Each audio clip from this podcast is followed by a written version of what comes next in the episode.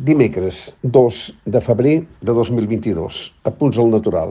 Hi pot haver una tercera guerra mundial? 1. Nacionalisme imperial. Portem ja 15 dies veient als telenotícies reiterades variacions de les imatges dels vehicles terrestres de l'exèrcit rus prop de la frontera d'Ucraïna. La repetició té sovint un efecte normalitzador, allò que el primer dia impacta va perdent aura amenaçadora en la rutina, però tanmateix segueix la inquietud i la càrrega psicològica que ens deixa la pandèmia suma disposició al pessimisme.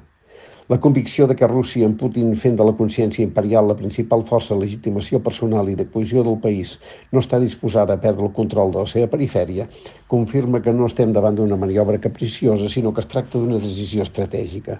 I, per tant, que els països fronterers amb Rússia són i seran objecte permanent de control i amenaça per part del Kremlin.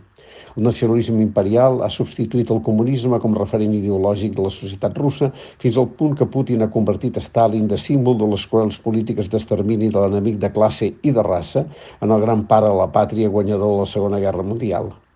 De caiguda la visió de l'URSS com a amenaça pel capitalisme, ara el problema es concentra en la submissió del seu perímetre, una barreja d'exhibició de potència i feblesa. Per tant, no es tracta de la defensa dels models econòmics i socials, la penetració capitalista a Rússia és una evidència, sinó de l'afirmació de la vella i deteriorada potència i el seu àmbit d'influència. I Putin necessita lluir autoritarisme imperial perquè la fragilitat de Rússia és evident entre els Estats Units i una Xina que ha integrat l'economia capitalista sense perdre l'hegemonia del partit que encara es diu comunista.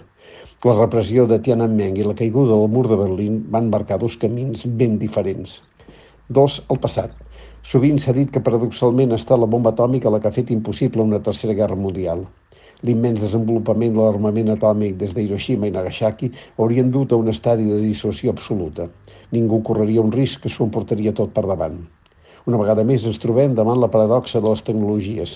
Són capaces del pitjor, destruir la humanitat en el cas de la nuclear, i del millor, generar energia per il·luminar tota la Terra.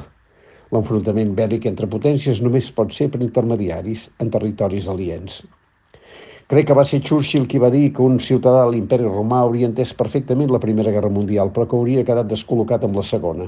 Recordava, entre altres coses, la diferència entre el número de morts civils en una i l'altra guerra, fruit de l'extermini dels grans bombardejos. Probablement, la Tercera Guerra Mundial, si arribés, ens faria sentir estranys a nosaltres.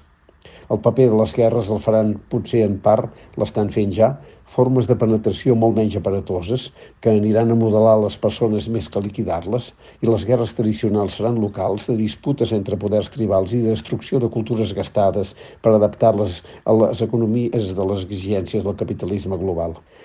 Els grans poders econòmics i tecnològics que van camí d'articular el món són més poderosos que la majoria dels estats i amb una eficiència creixent en el control de les persones i en el modelatge de les societats. Em sembla que es pot dir que si hi ha tercera guerra mundial serà computacional o no serà la qual cosa no significa que no hagi de deixar víctimes i d'augmentar les fractures socials i regionals de maneres que ara mateix ens poden semblar inimaginables. I de fet, mentre aquests dies parlem d'una guerra que probablement no serà i que ens porta a significar les imatges pròpies de les guerres del passat, la penetració tecnològica del món no para. I per tant el que hauria de fer és preparar-nos per unes guerres invisibles que posen en joc la democràcia com a règim de llibertats. La moguda de Putin és el passat, mentre Xina va a la seva i ningú la intimida.